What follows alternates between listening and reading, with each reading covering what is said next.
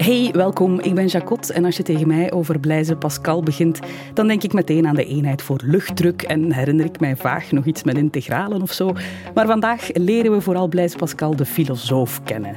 400 jaar geleden werd hij geboren en Hanna van den Bussen is onze gids doorheen zijn leven en verder. Want zij schreef een boek over de man. Welkom bij Voorproevers. Voorproevers. Welkom Hanna van den Bussen. Jij schreef een boek uh, over Blaise Pascal, nog engel, nog beest heet het. Uh, vooral dan over de filosoof Blaise Pascal, want jij bent zelf naast lange afstandsrenner ook uh, dokter in de filosofie. Mag ik zeggen dat jouw boek over Blaise Pascal ook een soort van utiliteitsmachine is? Ja, in zekere zin wel. Uh, het is dit jaar eigenlijk exact 400 jaar geleden dat Blaise Pascal is geboren. Uh, maar tegelijk, en dat heb ik proberen aan te tonen in mijn boek, uh, zijn Pascals inzichten toch ook vandaag nog eh, in zekere zin relevant. En dat is een beetje wat ik heb proberen te doen. een aantal van zijn ideeën echt te linken aan concrete alledaagse thema's en vragen. Mm.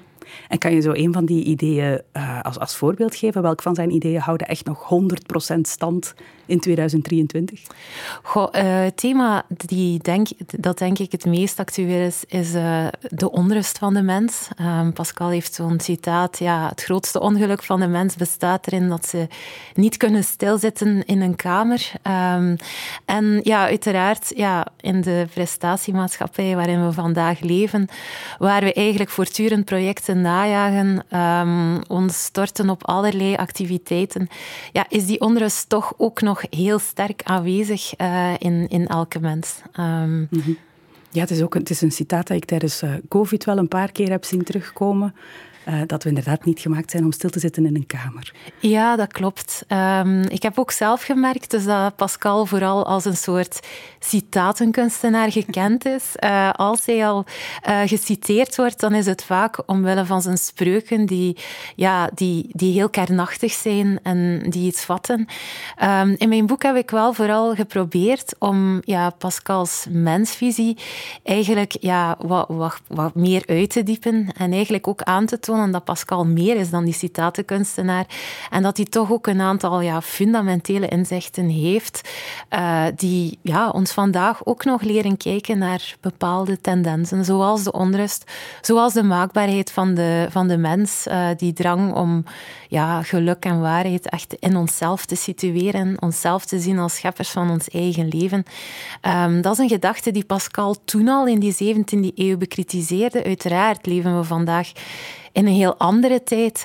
Um, maar desondanks uh, ja, blijven zijn ideeën ook vandaag nog uh, heel relevant. Mm -hmm. En we, we, gaan zijn ideeën in, uh, in deze aflevering zeker ook wel uitspitten. maar laat ons misschien beginnen bij het begin. Wie was Blaise Pascal en, en hoe zou je hem kunnen samenvatten? Goh, dat is een, denk ik een, een heel moeilijke vraag, omdat het een, eigenlijk op zich ook een, een heel complexe figuur is. Uh, ja, zoals in de inleiding werd gezegd, ja, hij is wetenschapper en wiskundige geweest. Daarvoor is hij vooral bekend bij het grote publiek. Maar op een bepaald moment van zijn leven ja, heeft hij zich echt gericht ja, op, op de theologie en de filosofie. En heeft hij eigenlijk zijn, zijn wetenschappelijke en wiskundige ambities bijna volledig vaarwel gezegd. Um, en vanaf dan is hij beginnen schrijven. Um, niet in, op de manier waarop hij zijn wetenschappelijke traktaten neerschreef. Nee, hij schreef eigenlijk in, in fragmenten, in flarden. En hij heeft al die fragmenten uiteindelijk opgeborgen in een of andere kist Um, en per toeval, na zijn dood, drie weken na zijn dood, heeft men al die fragmenten ontdekt. Men wist niet wat men ermee aan moest. Uh, dus zijn vrienden en familie, ja, er ontstond ook wat discussie, omdat ja, enerzijds had hij heel religieuze citaten, maar anderzijds had hij ook citaten waarin hij de mens beschreef als ja, een onzekere cloaca, als een monster.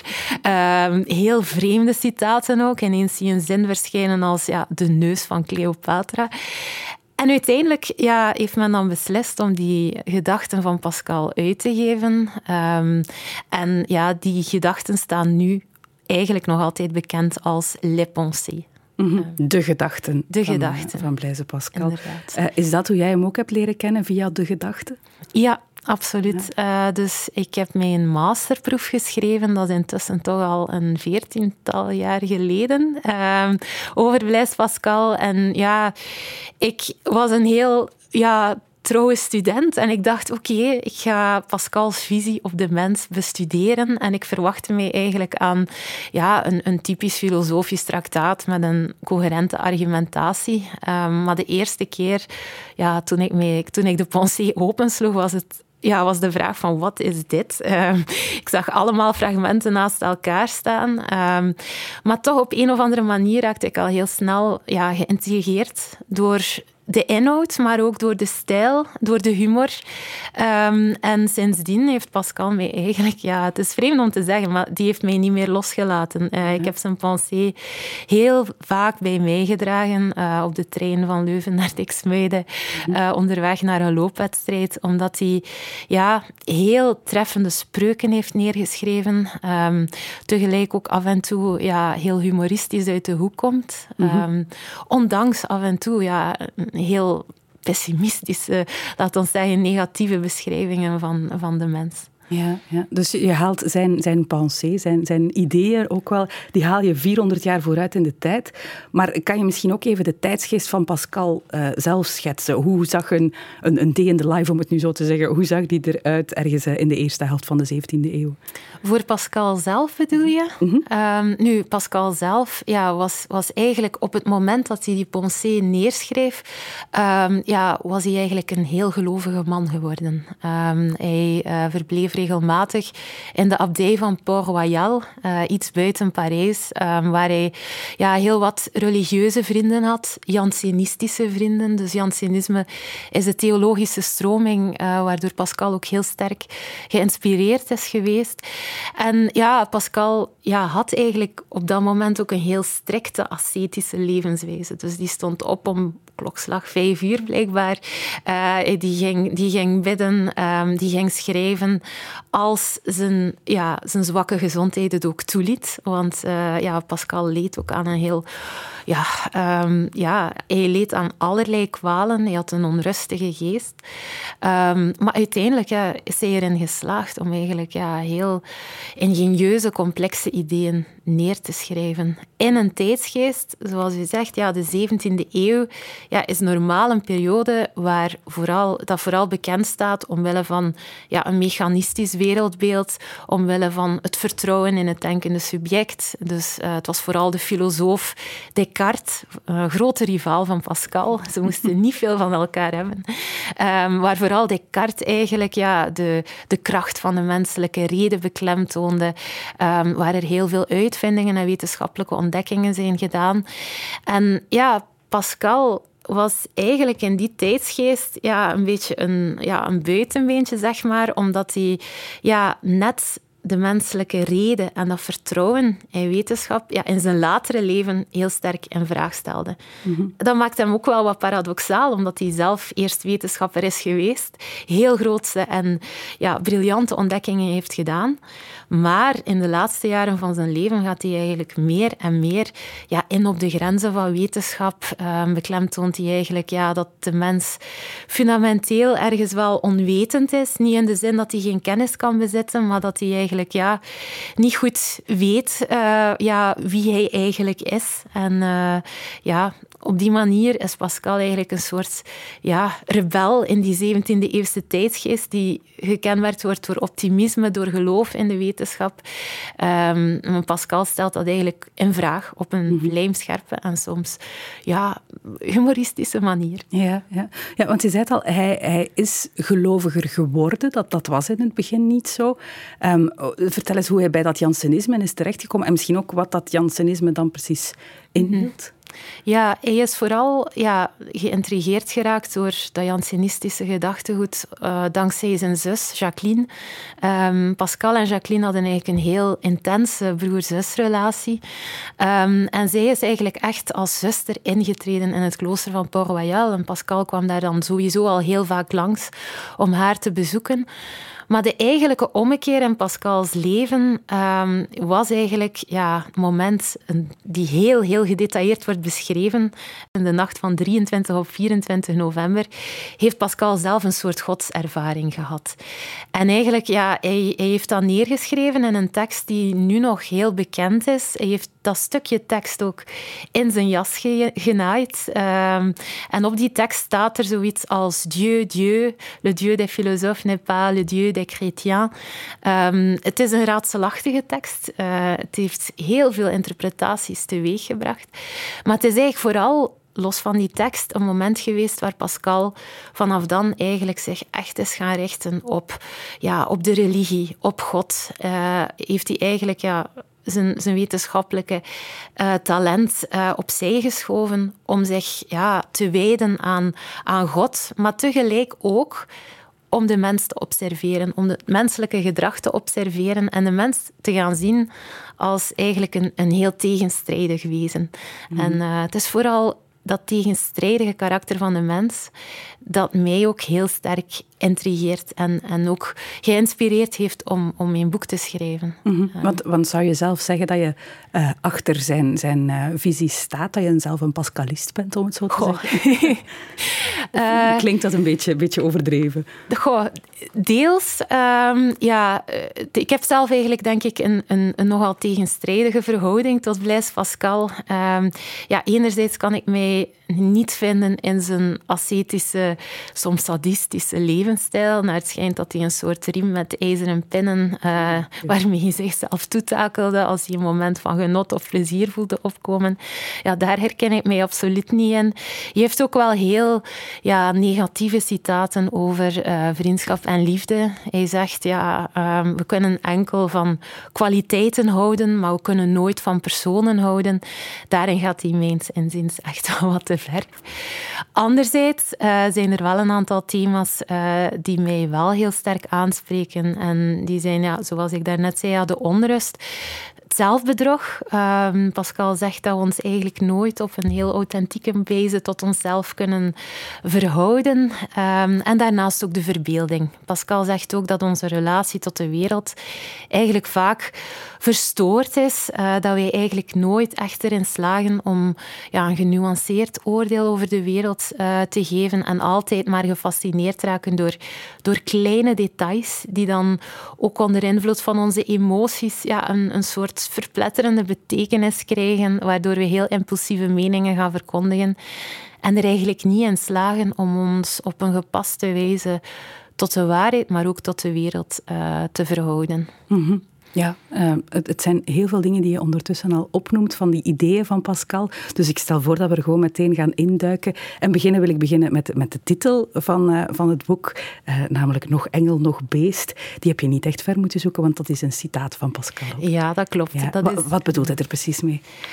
wel, in feite verwijst engel en beest naar ja, de twee tegenstrijdige naturen die Pascal aan de mens toeschrijft.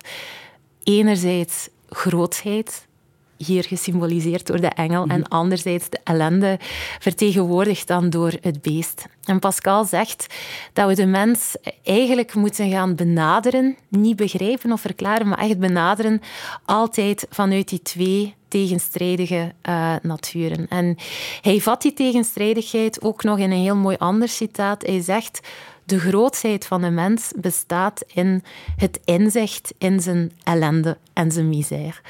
Um, natuurlijk ook niet het meest optimistische citaat. Uh, maar wat bedoelt Pascal daarmee? Eigenlijk ja, dat de mens zijn waardigheid vooral ontleent aan het besef dat hij ook maar een mens is. En dat hij een soort gedeelde condition humaine heeft met, met, met alle andere mensen. En dat hij hier eigenlijk zou moeten inslagen om ja, dat grootste ego van hem, dat daar toch altijd sluimert, uh, die drang om zichzelf naar voren te schuiven als een groot geliefd individu, um, dat hij daar eigenlijk een soort afstand van moet nemen. Want wat doet de mens volgens Pascal? Wel, die streeft er eigenlijk voortdurend naar om die engel te zijn, om een soort god, om een soort held te zijn. Ook iets wat we vandaag heel sterk terugvinden. Mensen willen voortdurend zichzelf overstijgen, anderen overtreffen. Maar Pascal zegt, ja, dat is een geperverteerde grandeur. Dat is een geaccepteerde grootsheid eigenlijk, de eigenlijke grootsheid van de mens, zegt Pascal, bestaat erin om onze misère te erkennen. En daarmee spoort hij aan ja, tot een soort houding van, van nederigheid. Uh, iets wat hij niet bij de mens terugvindt, maar ik denk dat we dat ook wel een beetje op vandaag kunnen betrekken. Uh, die nederigheid bij sommige mensen, bij sommige ego's, is soms ook wel ver weg, denk ik. Mm Ja, en, en, net omdat je dit boek als um, activiteitsmachine hebt geschreven, wil ik graag een paar uh, trends van vandaag uh, graag toetsen aan wat Pascal erover zou vinden. Um, ik wil misschien beginnen bij de, de How do I make this about me? Ik weet niet of je kent, ja, dat, dat mensen uh, een of andere dramatische gebeurtenis meteen op zichzelf gaan, uh, gaan terugslaan met, met anekdotes die er eventueel mee te maken hebben. Ik denk aan, er is iemand overleden, dat die mensen dan vooral gaan vertellen over hoe hun tijd met die persoon was, ja. in plaats van die persoon zelf. Wat zou Pascal daarvan gedacht hebben? Goh, ik denk dat hij dat ook vreselijk zou uh, gevonden hebben. Uh, en eigenlijk een heel duidelijke illustratie zou gevonden hebben van wat hij bedoelt met wat hij noemt le moi haïssable. Uh, letterlijk vertaald het hatelijke zelf. Maar wat bedoelt Pascal daarmee? Wel ja, dat elke mens eigenlijk voortdurend bezig is met het geliefd zijn door anderen. En wat doen die mensen bij How I Make This About Me, het X-account? Wel, die gaan eigenlijk vooral inderdaad een soort achtergrond gebruiken. Er is een socioloog uit Nederland, Bas Heijnen, die noemt dat een ego-decor. Ik vind dat een heel treffende term. Ja.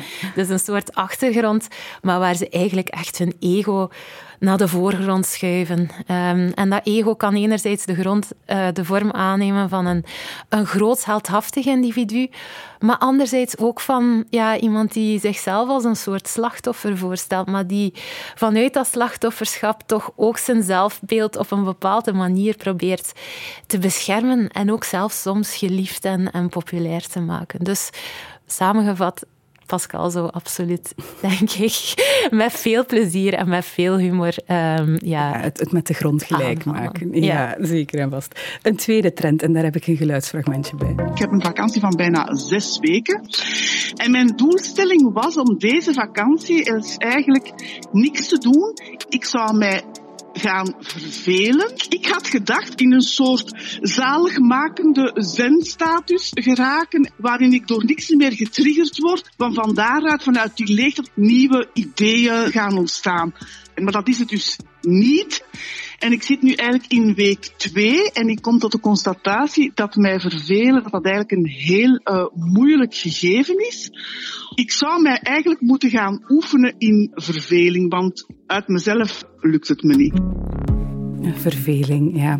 Is het een topic waar Pascal ook wel het een en het ander over te zeggen heeft? Ja, absoluut. Um, en ja, de vrouw in de podcast zegt, ik zou mij willen oefenen in verveling. Wel, Pascal zou zeggen, dat is helemaal niet nodig, want verveling maakt fundamenteel deel uit van wie je bent.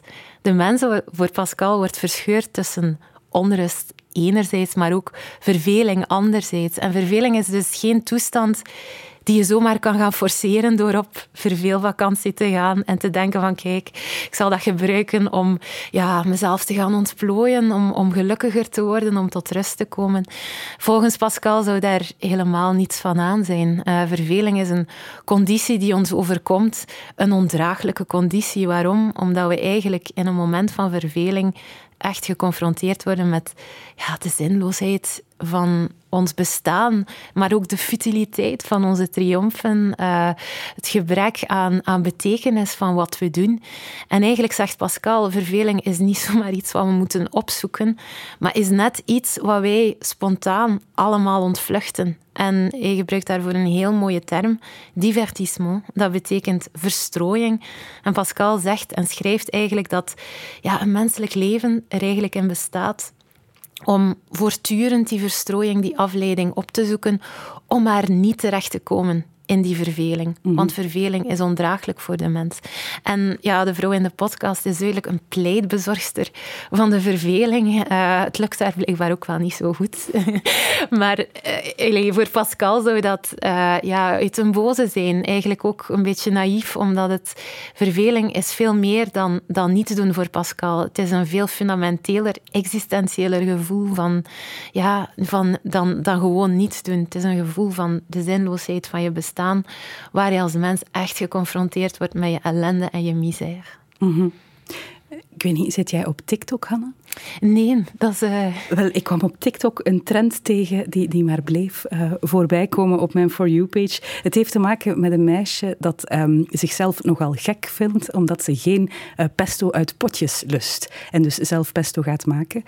en daarop pikken heel veel mensen in om te zeggen, nou, dat is wel heel gek, maar mijn verhaal is gekker. We gaan even luisteren. Call me crazy if you want, but I've never liked store-bought pesto.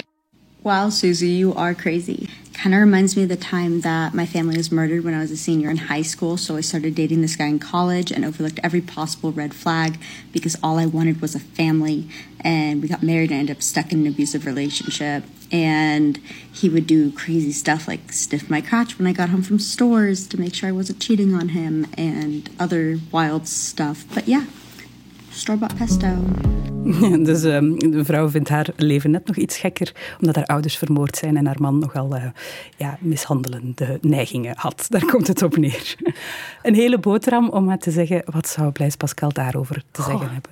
Het contrast tussen enerzijds het maken van pesto en anderzijds een heel, heel ingrijpende gebeurtenis. Uh, het is misschien een manier om, van een meisje om, om zichzelf ook, ook af te leiden, maar pijnlijk genoeg ja, is, is ja, de, de pesto net zo'n heel ja, pietluttig detail in contrast tot, tot de gebeurtenis zelf. En ja, dat is ook iets wat, wat Pascal op een heel treffende manier ja, beschrijft en, en, en reveleert. Dat is eigenlijk dat we ja, heel sterk ineens onze aandacht kunnen richten op onbenullige kleine details waar we ook onze emoties op kunnen loslaten. Um, terwijl er ook tegelijk veel belangrijkere, complexere gebeurtenissen bestaan. En Pascal heeft in, in die context ja, een, heel treffend citaat. Ik hoop dat ik het in het Nederlands een beetje mooi kan vertalen op deze manier. Maar hij zegt, ja, l'homme est vain par l'estime qu'il fait des choses qui ne sont point essentielles. De mens is eigenlijk ijdel in de waarde die hij schenkt aan zaken die niet essentieel zijn. Um, en ik denk dat hij ja, op, op dit fragmentje van TikTok zo'n zo'n antwoord eigenlijk zou, zou geven.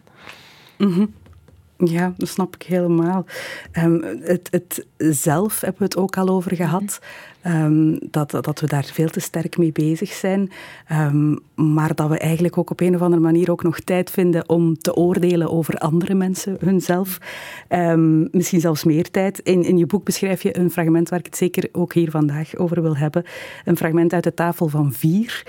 Um, waar dat oordeel eigenlijk, uh, om het cru te zeggen, nergens opsloeg. Op geen hol sloeg, zou ik misschien zelfs willen zeggen. Um, vertel nog eens precies wat daar aan de hand was. Het was iets met bordjes. Klopt. En met Olivier van de Kastelen. Inderdaad. Um, dus in die periode uh, zat Olivier van de Kastelen nog, nog gevangen.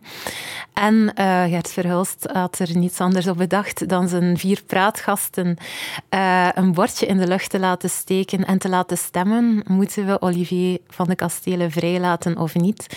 En ja, het was niet zozeer de disproportie tussen ja, de, de complexe gebeurtenis en de bordjes, maar ook tegelijk de snelheid waarmee die bordjes van de vier gasten eigenlijk omhoog vloegen. Ik denk dat het nog geen tien seconden heeft geduurd, uh, vooraleer iedereen daar al een pasklaar antwoord op wist. En dat is een heel treffend voorbeeld, denk ik, voor onze tijd. Meningen mogen precies niet meer overwogen zijn, maar moeten op een zo snel mogelijke en zo impulsieve manier en zo chockerend mogelijk manier moeten uh, verkondigd worden.